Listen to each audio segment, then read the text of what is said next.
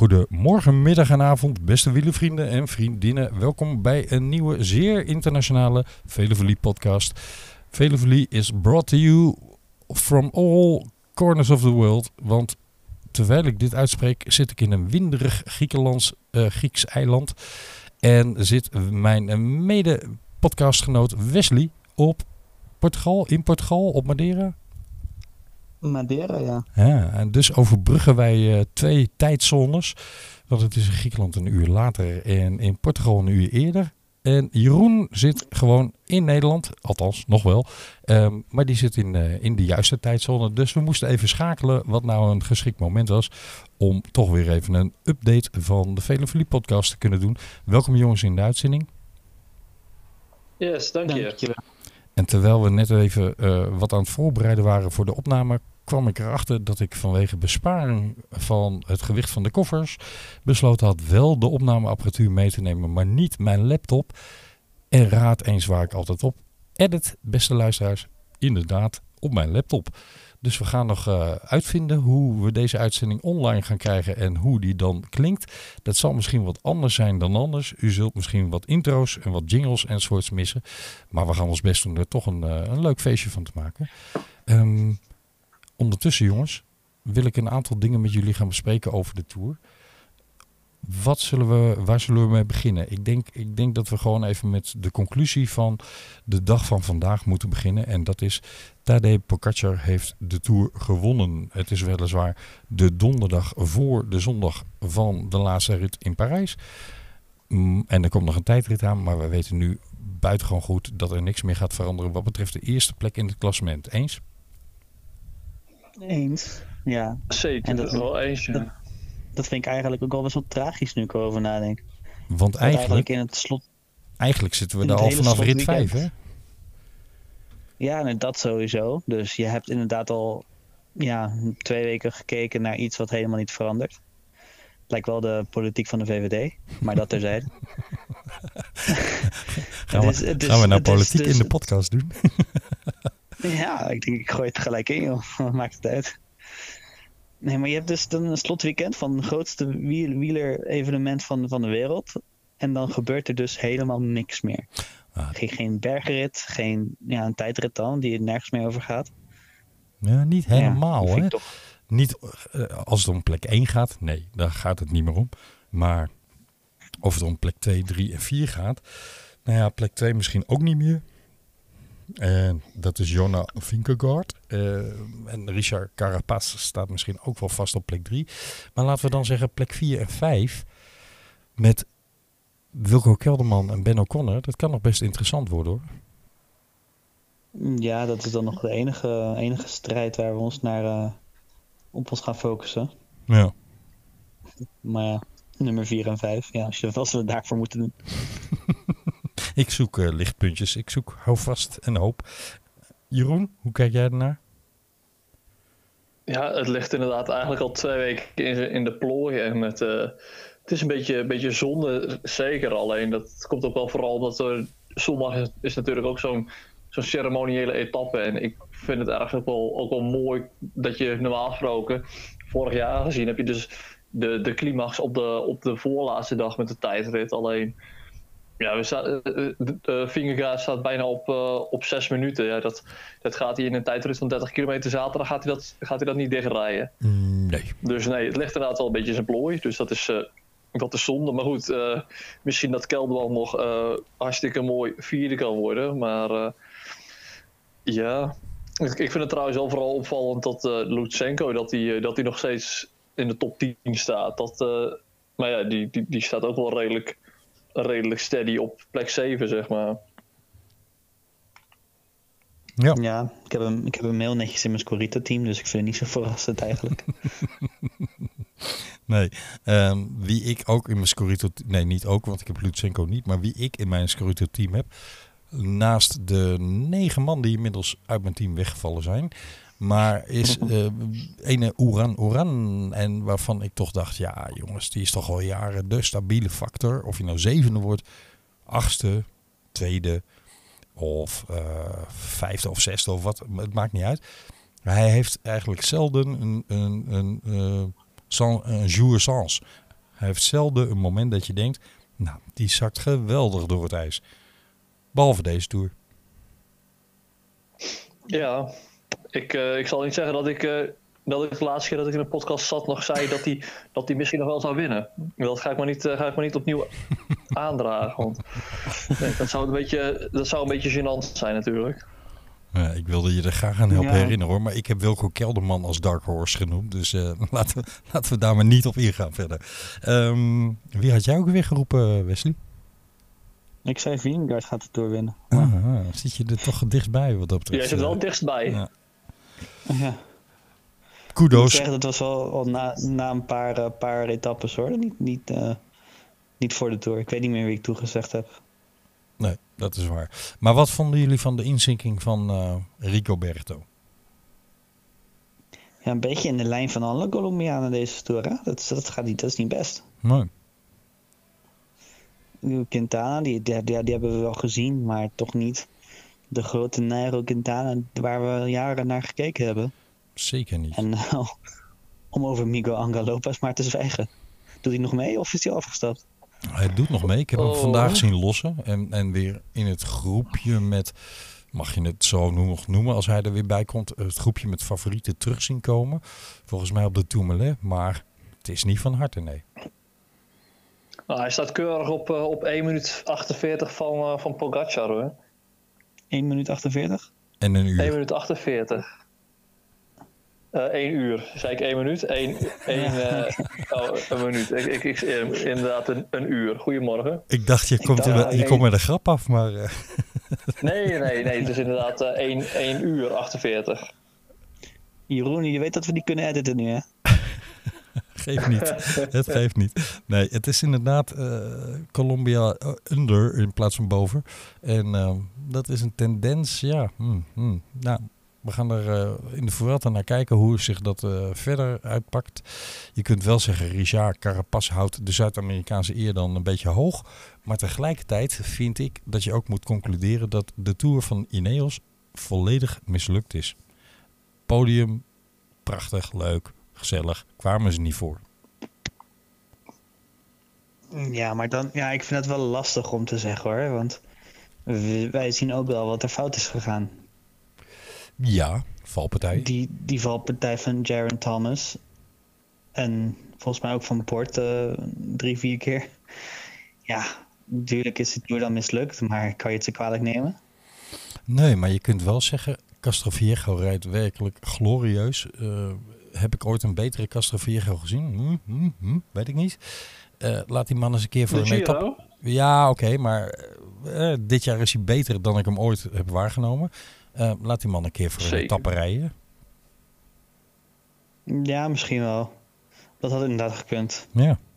Maar ja, ze, ze, ze, hebben de laatste paar etappes hebben ze ja, alles gegeven voor Carapaz in de hoop misschien dat Pogacar slechte dag heeft. Ja, ze moesten toch iets proberen. Ja. Ik bedoel, de, de, de tweede man van Ineos, die, die staat niet meer kort in het klassement. Dus daar konden ze niet meer mee spelen. Hetzelfde geldt voor Jumbo-Visma eigenlijk. Dus tactisch konden ze niks meer doen. Nou, en dat is jammer. Nee, maar toch hebben ze tactisch, vind ik, daardoor... Ja, uh, je kunt zeggen, nou, ze hebben de derde plek of het podium... of misschien een tweede plek proberen te verdedigen. Nou ja, eh, daar valt iets voor te zeggen. Uh, je, het levert je toch een, een behoorlijke sloot UCI-punten op. Maar als je een, een winning streak van, wat was het, zeven tours achter elkaar hebt gehad... dan kom je toch niet voor een derde plek en dan zou je UCI-punten. Dat, dat, nee, maar ze zijn geloof ik, ik geloof dat Servas Knaven had gezegd dat ze, uh, dat ze eigenlijk wel in de gaten hadden dat Pogacar dat die toch wel ging winnen. En dat ze nu op gebied van tactiek, dat ze gewoon wat aan, aan het experimenteren zijn gegaan. Heb jij het gezien? Ik heb een, nee, ik heb een Ineos-trein gezien bedoel, de afgelopen dagen. ja, klopt. Maar dat is uiteindelijk wat, uh, wat, wat Knaven had, uh, had aangedragen. Dat ze, dat ze nog wel wat, wat wilden proberen. En ja, uh, het, het stukje acteerwerk, bluffpoker van, van Carapas, dat is, dat is misschien daar een, een voorbeeldje van geweest in, in, de, in de etappe van woensdag. Maar uh, ja, ik, uh, ik weet het niet. Ik, ik, vind het, ik heb het vooral het idee dat, dat Ineos eigenlijk geen idee heeft hoe het is om niet zeg maar in het geel te staan. die indruk krijg ik een beetje. Dus dat ze alsnog maar zo gaan, zijn gaan rijden. Ik vond ze in de Giro aanvallender en attractiever rijden dan, uh, dan nu in de Tour. En ja, dan komt misschien toch het belang van de Tour. Uh, de, de tv-coverage uh, enzovoorts. Hè, de me media-aandacht die ook in Engeland vast veel groter is voor de Tour dan voor de Giro. Um, dat komt misschien aan de orde. Maar ze hebben defensief gereden. Op, op een gegeven moment noodgedwongen. Hè. De ploeg had niet meer uh, de, de manschappen om meerdere pionnen in het klassement uit te willen spelen. Maar dan nog waren er wel andere manieren. en, en zeker in het kader van Dave Brailsford die riep we willen aanvallen, want we zijn achterhaald in onze tactische keuzes. Hm. Nou, ik vond het een redelijke repetitie van wat ik eerder al wel eens gezien heb. Nu is het natuurlijk in de Giro wel makkelijker om leuker Zeker. te koersen op het moment dat je veruit de sterkste renner in je team hebt. Zeker, ja, eens. De vergelijking gaat niet helemaal dus- op, dat ben ik wel met je eens. Maar de, de, de, intentie erachter in de Giro vond ik ook wel interessanter, laat ik het zo zeggen. Maar wie weet zaten er hele goede bedoelingen achter. Ja, en kwam het er gewoon niet zo heel erg lekker uit. Het kan. Um, met een ploeg uh, met hele goede bedoelingen, maar waar het er zeker niet zo lekker uitkwam. Tenminste, is dat eigenlijk wel zo? Jumbo-Visma? Of hebben die eigenlijk gewoon een geweldige tour gereden? Vooraf hadden ze hier niet voor getekend. Maar gezien de omstandigheden kan je, kan je niks anders dan hier super tevreden mee zijn, toch? Ik bedoel, misschien winnen ze nog wel een derde en vierde etappe. Dat weet je niet. Die kans is, bestaat dat ze met Van Aert uh, nog, wel, uh, nog wel winnen. De tijdrit En dan met, met, ja, en de Champs-Élysées. Ja. Want, want uh, de sprintrit van morgen gaat, gaat Van Aert niet doen. En Teunissen misschien wel. Ja ben best wel benieuwd hoe goed uh, Mike is dan. Maar die gaat Bou Bauke Mollema ja, bedoel... zegt hij. Bauke Mollema gaat sprinten? Nee, die zegt morgen wordt niet per se een sprintrit. Let maar op. Ja, nee, er zitten inderdaad nog wel een paar kleine heuveltjes op het einde. Dat is wel interessant. Ah. Zou op zich nog wel best wel in de kaart van Teunissen kunnen spelen. Overigens, uh, als de luisteraars dit luisteren, kan het best zijn dat morgen al geweest is. En morgen is dan vrijdag. Ja, dank je voor de toevoeging.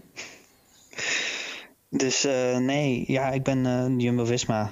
Nee, die, daar, die kun je helemaal niks kwalijk nemen. Ik, ik had heel graag deze Tour gezien met Vinegaard en Roglic van dit niveau. Dat had echt wel leuk kunnen worden en dat hadden echt nog wel wat spanning gehad. Willen we de speculatie ja, aan wat hij had gekund tegen deze Pogacar? Ik denk dat hij best in de buurt had gezeten hoor. Dat eerste, dat eerste in de Alpen was Pogacar natuurlijk wel echt van een andere wereld. En uh, nou dat hebben wij ook heel duidelijk gemaakt in onze podcast. Maar de, de rest, ja, was Pogacar was beter, maar niet, uh, niet, niet mijlenver en ook niet heel schokkend veel beter. Dus ik denk dat Roglic zeker wel heel dicht in de buurt had gezeten. Met Vingegaard erbij had ik het echt wel willen zien. Ik, uh... Ja, maar eh, zowel, zowel Roglic als, als Vingegaard, die, die hebben ook, uh, wat was dat in uh, Ronde van het Baskerland? Ja. Daar, daar hebben ze, hebben ze met z'n tweeën, hebben ze daar, als ik het goed heb, we zijn ze allebei geëindigd voor, voor Pogacar. En dus blijkt uiteindelijk wel dat, zeg maar, dat een Pogacar die redelijk in vorm is. Die had daarvoor al de UAE Tour gewonnen. Ik denk dat, uh, dat een Roglic in vorm uh, een, een Pogacar in vorm kan, kan hebben, zeg maar. Alleen, uh, ja, Roglic hebben we inderdaad gezien. Die had asfaltinspectie gedaan. Ja, en volgens mij had, ik denk dat Vingegaard misschien daarvoor al wat tijd verloren had. Ik weet het niet zeker. Dus ja, ik denk uiteindelijk wel dat voor, voor Pogacar het grote gevaar de komende jaren wel uit de hoek van Jumbo-Visma blijft komen. Dat is... Overigens, de enige tactische fout, de enige tactische fout vind ik wel echt het laten wachten van Vinekaart op Roglic toen hij was gevallen. Ja. Dat, dan kan je zeggen, ja, dat is, dat is nu achteraf gelul, want op dat moment is Roglic nog de kopman. Precies. Dat is zo, maar dat, op dat moment stond Vinekaart ook nog kort. En of je nou die laatste acht kilometer met z'n zeven of met z'n acht gaat rijden, dat maakt ook ja, geen enkele seconde uit uiteindelijk in een tijdsverschil. Nee. Dus ik ben het wel met je eens. Nog iemand... al, al snap ik ook wel, want ze hebben heel bewust gekozen om Vingegaard zo lang mogelijk uit de druk van het kopmanschap uh, te houden. Ja, dat was waarschijnlijk op dat moment ook onderdeel van die keuze uh, nou, momenten, zeg maar. Um, om, om te zeggen, ja, uh, hups, mee terugzakken en meehelpen. Zodat het heel duidelijk was dat hij niet de aangewezen beschermde renner was of zoiets. Hè. Het zou kunnen. Ik weet het niet, maar het zou een reden kunnen zijn. Ondertussen ja, komt er vrolijk wat Griekse muziek voorbij uh, rijden. Voor de sfeer. Wacht even. Ja, ik, ik kan me alleen maar bedenken dat dat misschien de reden was. Achteraf gezien, maar ja, achteraf is mooi wonen, kun je zeggen, ja, foutje. Had hij het overigens gered als hij zeg maar niet een, wat was het toen, een minuut volgens mij zoiets verloren had? Ja, anderhalf minuut. Fingerguard. Nou ja, als je nu, nu naar het verschil kijkt, nou, dan, dan moet je nee zeggen natuurlijk. Maar nee. zo simpel is het ook weer niet. Het is geen uh, simpel op- en aftellen. Of op- en aftrekken. Nee. Um, toch lastig. Het is toch anderhalf minuut en, en dan speel je toch een andere wedstrijd. Ja, dan zet je hem in ieder geval langer onder druk. Hè? Dat uh, sowieso het geval. Weet je, uh, ik, ik heb erover na zitten denken vandaag, uh, Jeroen. Um, aan wie doet Pogacar me nou het meest denken? En hoewel Pogacar een meer natuurlijke klimmer is dan Bernard Hinault dat was... En voor de luisteraars die nu denken, Bernard Hinault? Hoe? Bernard Hinault was uh, een groot Frans kampioen. Won de Tour vijf keer. En uh, deed dat in 1978 voor het eerst. En wel door ja, in zijn debuuttour meteen de Tour te winnen. Um, in dat opzicht ook vrij jong. Ik meen dat hij ook een jaar of 3, 24 was. In dat opzicht zijn er wel wat parallellen te bedenken. Bernardino kon geweldig tijdrijden, kon op de macht geweldig klimmen. Was zeker uh, op zijn dag uh, een van de sterkste van het peloton, zo niet de sterkste. Uh, maar kon ook nog eens een fantastische sprint rijden. En in dat opzicht misschien nog wel een nog completere renner dan Pogacar. Maar hij doet me er wel aan denken, Tadej. Omdat ook die tijdsverschillen, joh. Vijf minuten bijna zes minuten naar de nummer 2.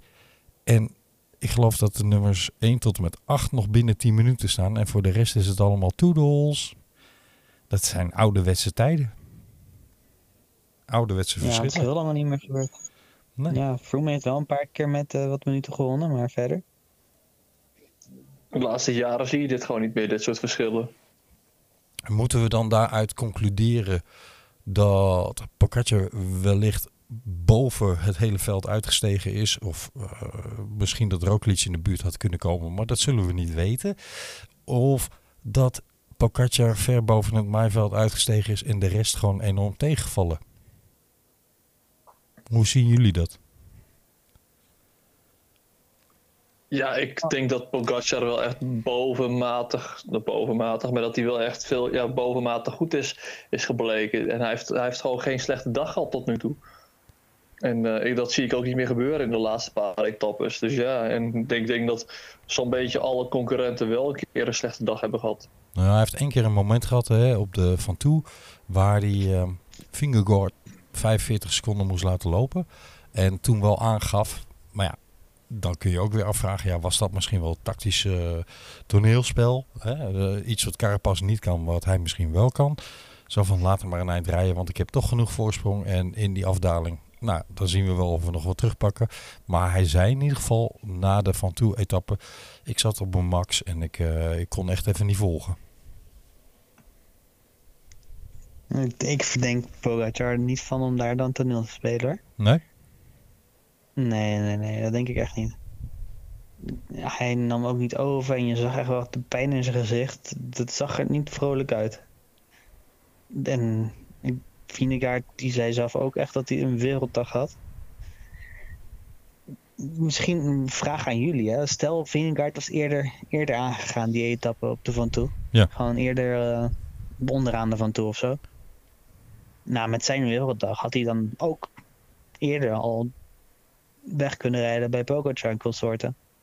Had Van Aert dan moeten wachten volgens jullie? Dat is een interessante vraag. Ik heb me dat ook afgevraagd. Um, ik weet niet of jij eerst wil antwoorden, Jeroen, anders maak ik mijn verhaal nu af. Ga je, ga je gang? Ik vind achteraf gezien van niet. Waarom? Ehm, om te beginnen, je kunt je afvragen wat was er gebeurd met, met uh, Van Aert die terugzakt en Vinjekaart. Uh, want het is gewoon, hij is zo'n licht mannetje. Hij is, uh, wat is hij, 55 kilo of zoiets, 56. Hij is gewoon ernstig in het nadeel bij het afdalen. Omdat ja, als je 5, 6, 7 kilo meer weegt, je toch gewoon meer gewicht naar beneden laat, stu en laat, laat stuiteren, laat vallen. Um, dus je moet, je moet wel ongelooflijk supergoed dalen. Wil je dat verschil in gewicht uh, compenseren in het wiel van iemand, is dat wel makkelijker. Dus Van Aert op kop had, had zeker verschil kunnen maken. Um, maar tegelijkertijd, Vinjekaart lag op dat moment derde in de etappe en niet tweede of iets dergelijks. Dus Van Aert had ook de etappenwinst uit handen moeten geven. Terwijl het buitengewoon onzeker was van ja, wat, wat, wat kan hier nou nog uit voortvloeien. Um, en toen was het gat ook al, wat was het, vier minuten nog wat. Dus het is niet zo dat ze zeiden, uh, daarmee kwam de gele trui in beeld. Nee, het was hooguit een hap terugnemen. Dus ja, ik heb het me afgevraagd van, had Van Aert daar uh, misschien moeten terugzakken? Mijn conclusie is nee. Ze hebben slim op twee paarden gewet op deze manier. Ja, ik denk dus de, dat je op dat gebied ook wel, ook wel logische dingen zegt, uh, Camille. Want het is, een, het is ook, volgens mij was, uh, was er nog helemaal niet heel erg duidelijk hoe goed Fingergaard nou echt zou zijn. En ook in de vorige grote rondes is hij volgens mij nog nooit zo stabiel geweest als nu in deze Tour. Nee, het was elke dag een gok, hè? Hij...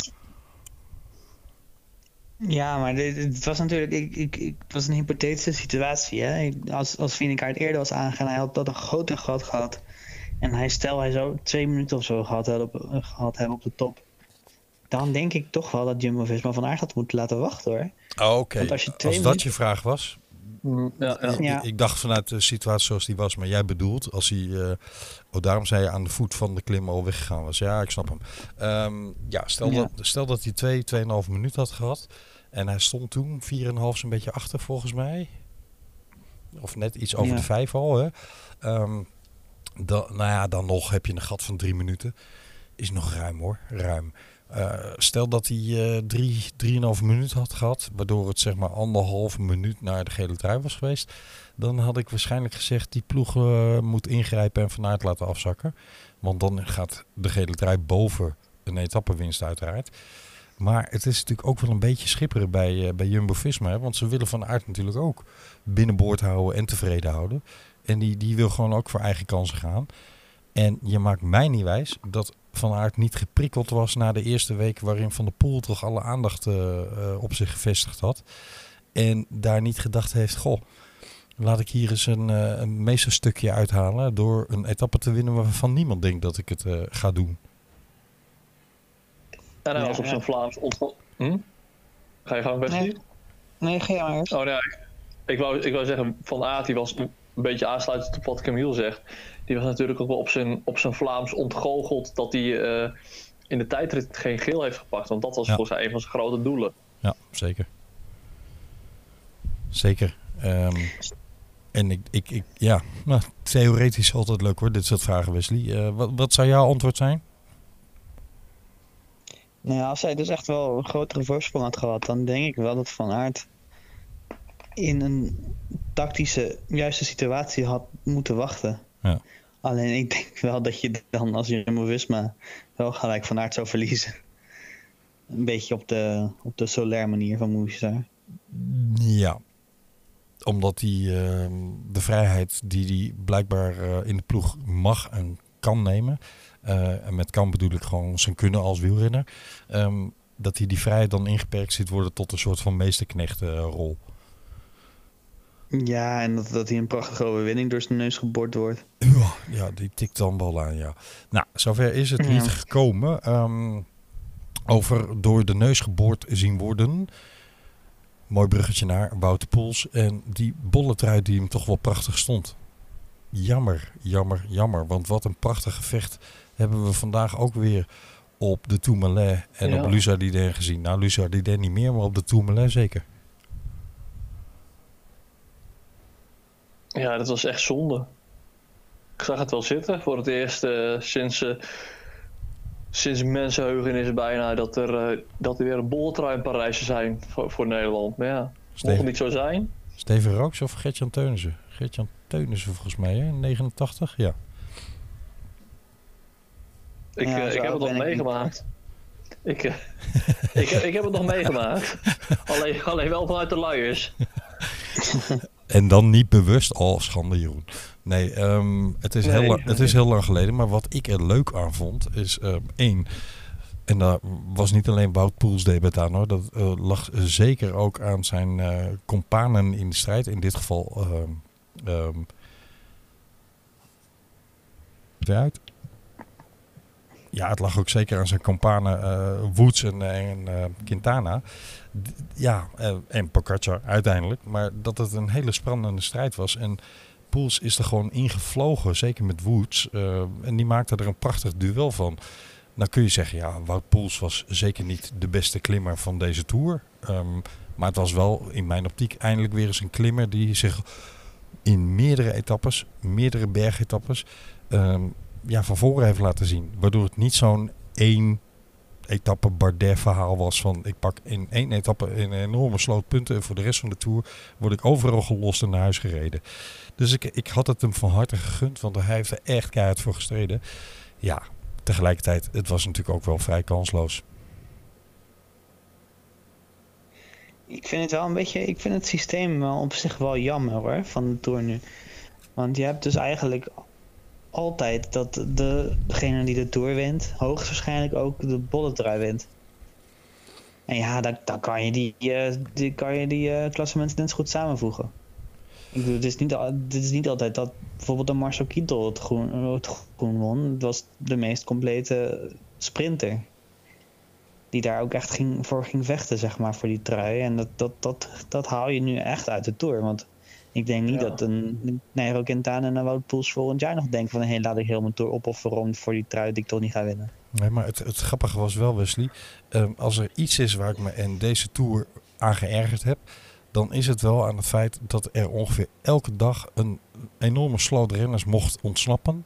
Uh, Fiat van de peloton kreeg er natuurlijk met name van uh, UAE en de gele trui. Wacht, jongens, ga maar. Succes, veel plezier. Wij komen een minuut of tien later. En het was eigenlijk ja, uh, zeldzaam hoeveel ontsnappingen uh, tot, tot dagwinst hebben geleid. Ik heb het echt geen enkele tour ooit meegemaakt dat er zoveel ontsnappingen tot een dagoverwinning hebben geleid. Um, in die verhouding zou je kunnen zeggen, dat had natuurlijk in zo'n bergetappe ook kunnen gebeuren. Als het klassement maar lekker op slot zit en die mannen die laten een kopgroep wegrijden van uh, 10, 15 minuten. Met kansloze mannen die toch al op anderhalf uur staan, maar wel kunnen klimmen. Dan pak je ineens dubbele punten. Dat had natuurlijk interessant kunnen zijn. Maar juist in de beslissende twee Pyrenee-etappen dacht de heer Tadej Pogacar, weet je wat, ik geef er eens een klap op en uh, ik zet iedereen en alles eens even op zijn plek. Maar dat onderschrijft toch alleen maar hetgeen wat Wesley nu net, nu net zegt. Want eigenlijk komt het erop neer dat Pogacar die maakt zich twee dagen een beetje, een beetje boos, om het maar zo te zeggen. En dan, uh, dan kan hij met, met twee hele goede dagen kan hij, kan gelijk eigenlijk die bergtrui binnenhalen. En ik denk dat het juist leuk is dat we, dat we deze Tour nu die strijd hebben gezien met Quintana, met Woods, met, uh, met Pools, met in zekere, zekere maat ook van aard. Dat, dat het gewoon jongens zijn die dus echt gewoon een strijd er, erom maken. Ja, en die zien vervolgens ook dat uh, Paul Gatchar als klassementsleider twee keer er een klap op geeft. Ja, en al die moeite van, van anderhalve week vechten voor die boltrui. Ja, dat wordt gewoon met twee dagen wordt dat teniet gedaan. En dat haalt denk ik wel een beetje de angel uit dat klassement. Maar had, het is voor het eerste jaar weer spannend geweest. Maar had, uh, sorry dat ik je onderbrak, maar ik, ik, ik, wilde zeggen, had Wout Poels bijvoorbeeld dan niet moeten beslissen van jongens, ik ga niet proberen punten te pakken op de Tourmalet, waar al een aantal renners voor zijn neus weg was. Um, en hij dus zeker niet meer de volle map binnen kon halen. Ik blijf gewoon lekker in die groep met favorieten zitten. En dan gok ik erop dat ik op Luce Ardiden wegspring en daar een beetje ruimte krijg. Omdat ik toch ongevaarlijk in het klassement ben. Had hij dat dan niet beter kunnen doen? Koffie kijken. Ja, ik vind het lastig. Het is, het is, het is mogelijk dat, dat, dat, dat ze hem tijd hadden gegeven. Maar voor Ineos, het was vrij duidelijk dat Ineos met Carapaz wilde winnen. Dus ja. Ja. Ik opper de mogelijkheid. dat-. Het is gewoon er- om, om even de scenario's eh, af te wegen, zeg Ja, maar. Ja. Ik, ben ook, ik ben ook helemaal niet boos. Nee, we gaan het niet over voetbal hebben, maar ik, ik, kan- Nee, nee, nee, ik, nee. ik kan me wel aanleiding herinneren waarom jij boos bent. nee, we gaan het niet over voetbal hebben, beste luisteraars. Wel over de Tour, want ja, we moeten toch, ook al is de Tour nog niet afgelopen, voorzichtig wel de conclusie gaan trekken. Dit zou wel eens een rijtje kunnen worden. En dat hebben we natuurlijk de afgelopen jaren wel meer geroepen. Hè. Eh, Toen Ben Al won, zei iedereen. Nou, is dit het nieuwe wonderkind? Maar als je gewoon simpelweg naar de erelijst van Pogacar kijkt in grote rondes. Die wordt in ehm, de grote rondes, en dan heb ik het niet eens over de kleine rondes, maar dan pakt hij er ook verdomd veel qua overwinning. Ehm, maar in de grote rondes wordt hij derde, eerste en eerste. Dat is een vrij aardig debuut. Ja, Dan broeder, hè? het is een beetje, is- Oh, een en, beetje een rijtje van een dapstroom, hè? en hij pakt trouwens overigens ook in alle drie die grote rondes die hij nu gereden heeft, drie etappe-overwinningen. Dat is ook Hino's. En volgens mij drie Ja. keer de bergtrui. Ja, volgens mij ook, ja. Ja, hier zijn we nog niet vanaf, hè? Dat moeten we concluderen. Of Mark Pardoen moet eh, geweldig eh, doorgroeien. Mark Perdoem staat nog niet, hè? Hoe heet hij dan? Eh, Mark. eh, ja, Mark. Mark. eh, Mark. eh, Mark zonder naam. Hebben we nu een nieuwe Wilco Kelderman, eh, bedoel je? Ja, natuurlijk. Dat eh, ik bedoel, wat hij laat zien in de, in de Dauphiné, dat, dat vond ik toch nog wel. eh, mm, ik kan me voorstellen dat hij, als hij dat niveau op een constant, constante manier gaat halen, dat hij nog wel bij Pogacar gaat uitdagen. Maar je hebt ook nog, je hebt ook nog een Vinegaard die nog gaat groeien. Je hebt een Roglic die nog aankomt, Bernal. Ik zie nog wel. ik, ik, ik, ik geef het nog niet op. Nee. Op hetzelfde moment, ik vind, ik vind het, het lijkt natuurlijk wel een beetje op, op Lance Armstrong, hè? Want die eh, kwam eh, ook eh, na zijn comeback in de Vuelta. Werd hij vierde of zesde? In 98. Hij werd helemaal niks, Ja, eh, volgens mij. Of is hij blijven staan? Vast niet, vast niet. Volgens mij zijn al zijn uitslagen toch geschrapt eh, van die jaren. Ben ik helemaal gek. ja, ik denk het wel. Maar, nou, laten we het even voor the sake of the discussion. Ja. Ik bedoel, hij komt, komt eh, ja, zo'n zo'n zo'n gro- grote ronde debuut als ronderenner. Goed in de Vuelta. En ja, vanaf daar eh, domineert, heeft hij de Tour gedomineerd. Ook in een tijdritten, hoe Pogacar dat ook doet. Ja, ik, vind, ik zie best wel gelijkenissen tussen Lance Armstrong en, een- en een Pogacar. Je, je weet, leiding erbij zeggen. ja, ik, ik wou zeggen, je Ja. weet dat je hier enorm veel gewicht op legt nu, hè, eh, Wesley? Ja, maar ik bedoel, als je 22 bent en je hebt al twee keer de Tour gewonnen en het podium in de Vuelta en negen ritten in de Tour, bergdraaien overal. Nou ja, dan mag je er ook wel wat gewicht op leggen, vind ik toch? Nee, ik bedoel iets heel anders qua vergelijking. Maar ik ben hartstikke erg een Lance Armstrong fan, dus ik bedoel er helemaal niks slechts mee. Dat fijne neem ik je nog niet eens zo kwalijk. Maar deze, hier gaan we het nog wel eens in de toekomst over hebben. Ehm, anyway, eh, we zijn nog niet van Pogacar af. Dat mogen we in ieder geval concluderen. Tenzij hij een soort Colombiaanse curve heeft. En vroeg rijp, vroeg oud, vroeg over de hill gaat worden. Dat moeten we natuurlijk nog even zien. Maar ik verwacht eigenlijk, die man die gaat alleen maar groeien.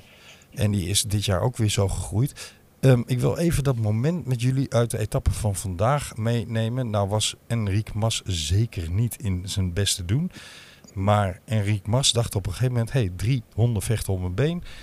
En Enric Mas gaat ermee heen. En die nam een kleine voorsprong. Een meter of, wat zal het zijn geweest? 30. En toen dacht ja. Toen dacht Pogacar, ja niet eh, bij mij eh, vriend, want ik wil gewoon een etappe winnen. En die vloog hem voorbij. Amai, amai. ja. Dat was een stevige verstelling. Zou die op het buitenblad gegaan zijn? Ja, maar het was alsof Mas stil stond. Echt, alsof hij stil stond. Ja, Carapaz en Vinegaard die uh, probeerden op zijn bagagedrager te blijven, maar dat was niet helemaal uh, geslaagd. Nee, dat ging niet echt. Nee. En het is, het is allemaal spelende wijze. Het is, um, je zag na afloop een beeld van Vingegaard met daarnaast Pogacar. En Vingegaard hing over zijn stuur heen. Letterlijk wit als een melkpak. Uh, nou, melkpakken zijn nooit wit. Wit als een, uh, zo'n oude melkfles vroeger. Um, dan denken de luisteraars weer melkfles. Wat is dat joh? Uh, wit als melk. en die, die was echt helemaal, helemaal van het padje eventjes. Um, en Pogacar die stond ernaast. En die was een beetje op zijn communicatie aan het drukken. En een beetje aan het keuvelen. Die, die keek zo zijn verzorgers aan. En ik dacht, die gaat vakantiekiekjes maken. die heeft gewoon zoiets van, nee. Dus zei die, dat is best leuk hier. ja. Ja, ik las in, uh, in een WhatsApp groep uh, Pogacar uploaded easy afternoon ride on Strava. ja, precies. ja, nee, dat, uh, dat was wel vrij schokbarend, vond ik in dat opzicht. Um, gun ik het hem? Zeker, want laten we wel zijn, hij is al vanaf de Tour de l'Avenir een hele attractieve renner. Zoekt altijd de aanval. Heeft deze Tour redelijk verdedigend gereden, maar had daar ook alle gelegenheid voor. Maar had op beslissende momenten toch trek en honger. En daardoor uh, ja, misschien voor ons een saaie Tour. Maar vanuit zijn perspectief gewoon een buitengewoon geslaagde Tour uiteraard. Laten we zijn oordeel over... Ja, het, valt, het valt me wel op. Het valt me wel op dat deze, deze Tour dat hij misschien weliswaar op het gebied van een gele trui best wel saai is geweest. Omdat hij eigenlijk al na een dag of vijf in die zin in de plooi uh, bleek te liggen. Alleen daaromheen is natuurlijk wel zoveel andere dingen gebeurd. Wat wel interessant was. Zeker. Ja. Zullen we eens een, een, een, een cijfer plakken en dat even heel kort onderbouwen van wat vonden we van deze tour? Jeroen, laat ik bij jou beginnen. Als je van ja, 1 tot 10 uh, mag waarderen. Ja, daar geef ik het uiteindelijk toch wel, uh, toch wel een 8. Als ik het dan uh, op, op hele cijfers hou. Omdat het vooraf dacht ik, toen ik het, toen ik het ronde boek een beetje zag, dacht ik ja, het is weer een beetje een, een saaie klassieke tour. Ook qua indeling, ik vond het niet heel spectaculair. En als ik, als ik nu uiteindelijk zie hoe het heeft uitgepakt. We hebben zoveel leuke etappes gehad. En zelfs ook al ligt het algemeen klassement al redelijk vroeg in de plooi. We hebben echt veel leuke, verrassende etappes en verrassende winnaars gezien. Ja, ik, uh, de Tour heeft echt verrast en positief ook dit jaar. Ja. Ik heb zelden een Tour gezien waarin het zo gigantisch hard gereden is.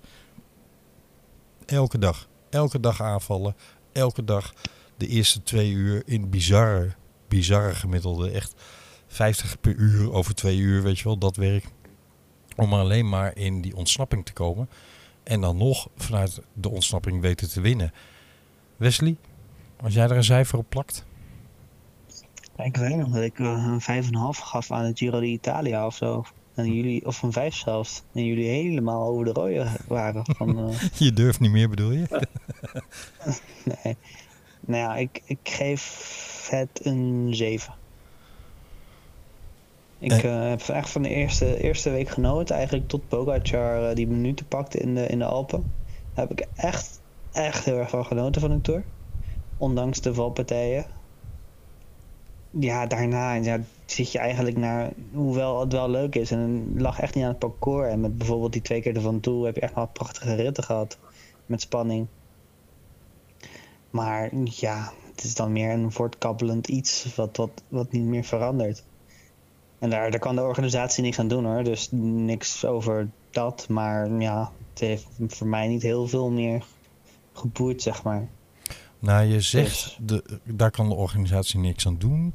Daar hebben we natuurlijk in het begin van de Tour, etappe 3, al dikke discussies in het peloton en tussen de renners en de ASO over gehad van waar ligt dit aan, hè, deze massale valpartijen. Dat is een discussie die al jaren in peloton gaat en ook nog jaren zal gaan. Maar om nou te zeggen, daar kan de organisatie niks aan doen. Ik snap wat je ermee wilde zeggen. Maar daar ligt wel degelijk ook een verantwoordelijkheid en een verantwoording bij de ASO. Ondanks dat ik vind dat ze een uh, werkelijk prachtig parcours hebben uitgetekend. Met misschien hier en daar een straatje of een S-bocht in de laatste 500 meter die niet noodzakelijk was. En misschien helemaal er niet in had moeten zitten. Maar zeg maar de globale lijn van de Tour vond ik prachtig. Want het heeft letterlijk geleid tot spectaculaire aanvallen. Dag na dag. En wanneer hebben we nou een grote ronde gezien waarin, ja, de Vuelta heeft dat de laatste jaren, maar waarin dit werk werkt. Waarin werkt dat je de aanval kiest. Dat is toch attractief wielrennen? Dat is toch heerlijk om als toeschouwer naar te kijken. Behalve dat je weet dat op de achtergrond het klassement zo'n beetje voor het kabbelt. Dat ben ik helemaal met je eens, Wesley. Maar ik denk niet dat jij je één dag verveeld hebt, of wel? Nee, nee, uiteraard eens. Qua koers en qua aanvalslust heb ik er echt wel genoten.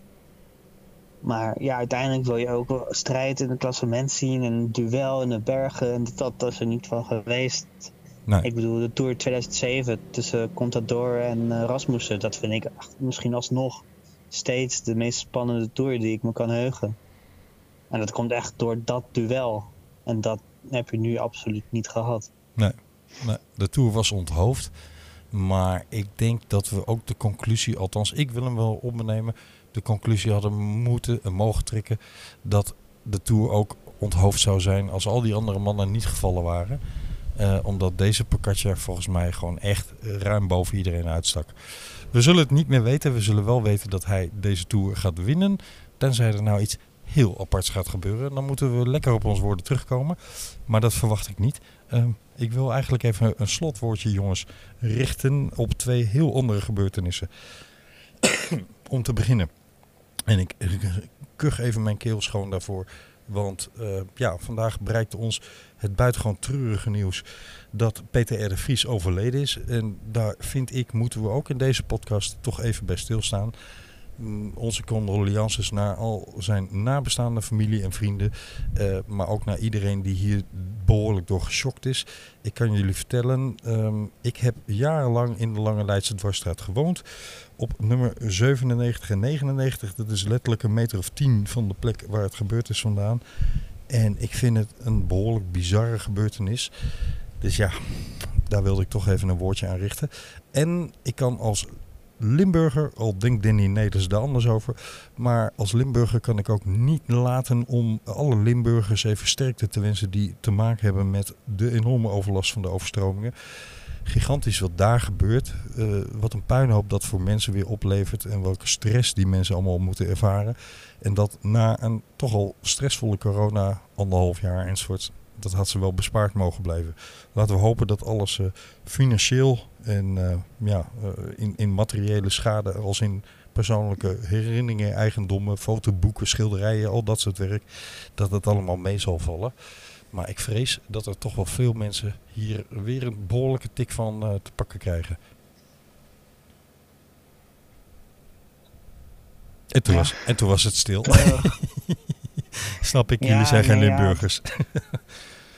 Nee. Nee, nee maar vooral, ik, vooral, dat, nou, vooral dat van Peter de Vries, dat, dat vind ik ook wel echt. Uh, ja, die, die wordt inderdaad een beetje stil van. Dat is, ik weet nog goed dat toen ik, toen ik jong was en uh, eerst Pim Fortuyn en daarna Theo van Gogh werden doodgeschoten en mijn ouders dat echt heel erg raakte. En ik dat eigenlijk niet zo heel goed snapte van ja, dus toch, je, je kent die mensen niet.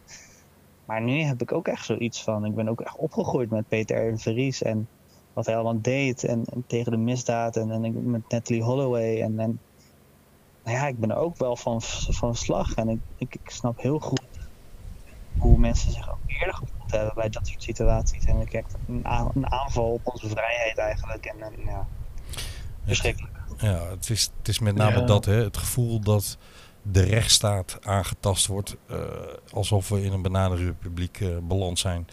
En dat blijkbaar ook in een land als Nederland heel goed kan. Um, en dat laat maar weer zien hoe kwetsbaar, we, met kwetsbaar we met z'n allen toch wel zijn.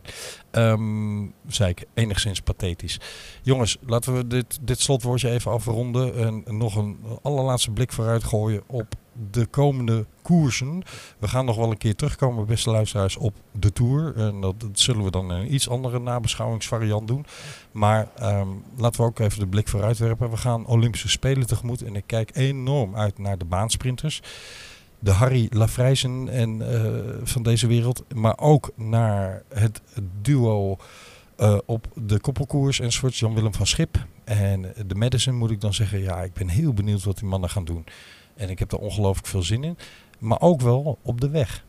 En zeker ook in de tijdrit met Tom. Hebben jullie daar enig vertrouwen in? Die heeft er weer zin in, hè?